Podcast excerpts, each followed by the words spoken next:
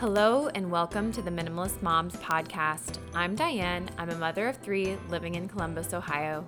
I'm trying to make room in my life for what matters by getting rid of the clutter and living life with purpose. I hope you'll join me on the journey to think more and do with less. Oh my goodness, you guys, we have reached the 100th episode of the Minimalist Moms podcast, and my mind is really blown. With nearly 700,000 downloads, a vibrant community on social media, and remarkable creators that have joined over the last three years, I just want to say thank you. Thank you for listening, and thank you for your encouragement. Thank you for sharing your own minimalist moments and resources. I have so many inspiring women joining me on the podcast this year, and I just look forward to 100 more episodes of this podcast. In celebration of our 100th episode, I thought I'd bring back one of the leading experts in this community, author Courtney Carver. If you're not familiar with Courtney, pause the episode and do a quick Google search as you'll see that Courtney has done and is doing important things in the minimalist community around the world. Her work has been featured in countless articles, podcasts, and interviews on simplicity, and she is here today to discuss her latest book, Project 333 The Minimalist Challenge That Proves Less Really Is So Much More, that releases this March. While you may have heard of this challenge before, this book truly dives deep into the cyclical nature of consumerism and the consistent lack of satisfaction with our purchases along with other tips and solutions and inspiration that really can show us that we are so much more than what we wear. But before we get to the episode, as always, if you haven't yet left a rating and review on iTunes, please head over there and do so. I so appreciate your feedback and encouragement. And now for my episode with Courtney. Hi, Courtney. Thanks for joining me on the Minimalist Moms podcast this morning. Thanks for having me. Yes, I'm really excited to discuss your latest book, Project 333. And I'm assuming that the majority of my listeners probably know a little bit about you, or at least have heard your name before. But for those that haven't, can you just fill them in a little bit more of who you are and what it is that you do? Sure. Well, I am a writer and speaker. I have a blog called BeMoreWithLess.com and and probably most well known for creating this fashion challenge project 333 which we're going to talk about today. We are yes. And i have to say i'm curious before we dive into this conversation what prompted you to write a book on project 333 because prior to this it was mainly online wouldn't you say?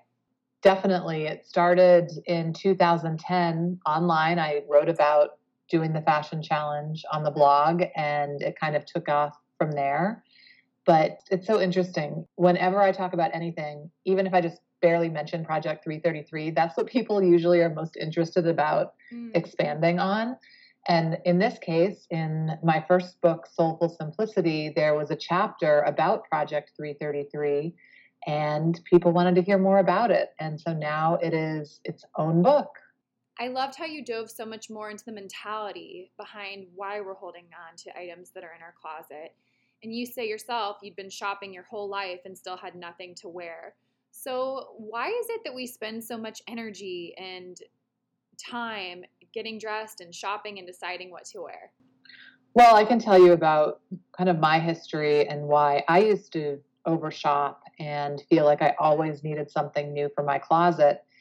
And it wasn't because I ever needed anything new in my closet. It was always something else, like always I, I feel like I was just always trying to kind of shop away the pain of working a job I didn't enjoy, or the pain of boredom, or feeling less than when I looked at my clothes and what I was wearing. Like I never really felt stylish enough or like I was wearing the right things to the right things, if that makes sense. Mm-hmm. I, I thought it was a lack of confidence in my clothes, but what I discovered once I really removed the shopping and most of the clothes is that it was a lack of confidence in myself. Uh, and it, there was a real disconnect in terms of trusting myself. And that disconnect was, I, I couldn't figure out what it was because I was always kind of numbing that problem with shopping and adding one more thing to my wardrobe and trying to get organized in my closet. And it just took so much of my energy. I mean, I would try on two or three outfits getting ready for the day in the morning, and, you know, something didn't fit or something didn't feel like it would be right. And I would just keep changing my mind. So, yeah, a ton of energy towards something that I didn't really care about. Yeah, I've set some of my own parameters around purchasing newer items. If it's something that I really want, I'll wait anywhere between two and four weeks, depending on the circumstance. And if the item is still available, I'll allow myself. But I'd say even setting little boundaries like this has saved me a ton of time and energy that I just used to spend mindlessly. Yeah, and that's why this fashion challenge is so helpful because it really gives you the time to kind of sample this, like dressing with less thing without really committing full on. So it's a three month experiment. You hide everything else and then you can decide at the end of three months like, did I really miss shopping? Did I miss buying new clothes? Um, did I miss this sweater that I never wore anyway? But now that it's out of sight, do I want to bring it back or do I want to donate it? It provides a lot of clarity about what we want and need in our closet and in our lives. So, what would you say to someone that thinks they'd become bored with only 33 items in their closet? Yeah, I think people are bored with 133 items or 233 items. What I discovered because I was bored all the time with my wardrobe before I simplified it, it's because I wasn't clear on what I was bored about. I wasn't bored with my wardrobe. I was bored with other things. And so I blamed my wardrobe. Mm-hmm. And I would think if I go shopping, that's going to cure the boredom. But it never did. Like I'd always get bored again. And what I discovered is that boredom, or rather shopping, doesn't cure boredom. Curiosity cures boredom. Mm-hmm. So I started when I was, you know, committed to not shopping for the three months, dressing with these 33 items or less, if I got that feeling of boredom, and it was pretty rare, but I would say, think to myself, like, what's really bothering me? Like, what am I really bored with, or what am I avoiding? Where I feel like I have to put all this time and energy and thought into what I'm wearing. What am I really, what do I really want to do right now? And I like how in your book you've included an entire list of things that can fill boredom if people don't know where to start. So, moving on to my next question for you What if someone were to ask you, they have 20 items that they really love, and that's 13 less than you suggest for Project 333? So, would you suggest that they go out and purchase items to get to that number? No. If I mean, if you're happy with 20 items, I would stick with 20 items there's no real magic to the number 33 in this case. It is simply a starting point. It's a number that worked well for me and has worked well for many other people, but you really have to decide what's best for you. So for some people, 33 sounds impossible to get down to, which, I mean, pick a different number. Don't dismiss the whole challenge just because that number is impossible. Maybe 45 is your number um, and then if you have less than 33, I would stick with that, but perhaps take some of the other rules and see if by applying them, it would add value to your life. Hmm. Maybe you've already figured it out and you don't need the fashion challenge at all, but chances are there's something to learn if you're curious enough. It's funny, after I finished the book, I sat down to write out my list of 33 items. It was just off the top of my head, but I could only come up with 22 items that I actually regularly wear. So, I mean, I'm sure that as I cultivate this list, there's going to be a handful of more items that come onto the list. But I just did find that interesting because I think a lot of us probably wear a lot less than we think. Even when people have a closet full of clothes, they're still only wearing a very small portion. You might even be doing the challenge, but you're missing out on one of the best benefits, which is to hide everything because there's so much joy in having extra space in your closet. And not having to think about all of those other pieces of clothes in your life. I will say it does make a really big difference having that extra closet space. You can actually see everything that you wear for once. Another question I have that might be slightly more complicated to answer is that someone goes through their closet and they have absolutely nothing that fits their body well. They're just really disappointed with what they found. How would you go about adding pieces to your wardrobe that you really want to love? Well, for the sake of the challenge, I recommend trying to work with what you have. Okay. Only because what you think fits you and your lifestyle and what you think you love and don't love when you start might be totally different than by the time you finish. Mm. So it's a really big learning process. So that's why I don't often recommend that people buy a lot to add before the challenge starts because it could be by the end of the three months that you're like, uh, that wasn't anything that I liked. Mm-hmm. However, if you really are, you know, suffering that your clothes don't fit or you can't stand anything you wear, you know, maybe think about building two or three outfits that you enjoy and mixing that in with a few of the other staple items that you have um, and and seeing how that goes but i would try to keep the investment on the front end as small as possible only because you're going to do your it's not just your closet that will be changing over these three months well, I think these are some great tips, but on a very basic level, how would you encourage someone that is hesitant to begin their own Project 333? You could definitely invite a friend for accountability and somebody to kind of trade notes with.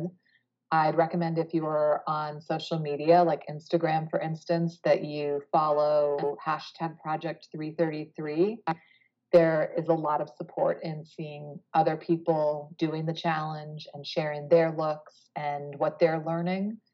Uh, and the other thing is to you know really think about that hesitation and what's it what it's about, like what the concerns or fears or what really what is it about that you don't want to try this. And look, I'm not saying it's for everyone but I know this has historically been a thing with Project 333 where people say, I could never do that. And then two years later, they're like, why didn't I start this sooner? It's amazing. Mm-hmm. Um, so, yeah. Yeah. And like I said, even for me personally, when I was pregnant, I was just definitely dressing with a lot fewer items and it just made it so much easier to get ready. So, you really can live with a lot less than you ever expect that you can. That's great. Um, I have, just have a random question. What does your daughter think about this? Has she created her own capsule wardrobe, or is she just like, okay, mom? well, so, so uh, my daughter Bailey is twelve. We actually have a podcast together called Soul and Wit, okay. and we're getting ready to record an episode about Project 333. And she hasn't done it before, but she has lived with a capsule wardrobe when she was traveling overseas for I think she was gone about a year and a half in Australia and Southeast Asia. And she definitely pared down her wardrobe for those travels. And I would say her wardrobe is uh, is not giant, but it's not 33 items either. So she thinks it's great, but she doesn't do it herself. Okay. I was just curious. I just thought it might be an interesting question to answer. But where can people find you on the web or pick up a copy of your new book? Um, so the book is available for pre-order now at project333.com slash project dash 333. And the book itself will be available in all bookstores and anywhere you buy books on March 3rd. And I'll also be going on tour to 17 cities. So maybe if anyone listening is in a city I'm visiting, we can meet in person. Great. Well, Courtney, thanks again for being on the podcast today. And as we're wrapping things up, I just want to ask you the two questions that I ask every guest. And the first one is what is something that you're simplifying right now? AKA, what is your minimalist moment of the week? Something I am simplifying. Uh, I'm actually taking a trip uh, next month. I'll be traveling for a couple months. Sorry, couple weeks, couple months. Where am I going? traveling for a couple of weeks and thinking about my packing and how to simplify the packing. And I think what I'm going to do is just to keep things really simple, I'm just going to create three outfits that I want to wear and only bring those three outfits and plus a, a coat and some boots, sleepwear but just for the main day to day, like three outfits for two weeks, and then mix and match whatever is in those three outfits. Well, I'm sure that you can do it. When we went to Paris for our baby moon, I pretty much rotated the exact same three outfits for the entire eight days. So I have total confidence in you that you can simplify that. It's great. It does make it a lot easier. Yeah, it really does. And the next question is What is your resource of the week or something that you can't stop talking about? Sure. Well, the one thing I can't stop talking about is the new podcast that I'm doing with my daughter, mostly because we're just recording all the time and we're talking about what we're doing and we don't know what we're doing half the time. So we're having to talk a lot about all of it. Mm-hmm. Uh, so that's something I'm really excited about. Well, I'll be sure to include that in the show notes for people to check it out. Courtney, thanks again for being here today. Well, I appreciate your time. Thank you.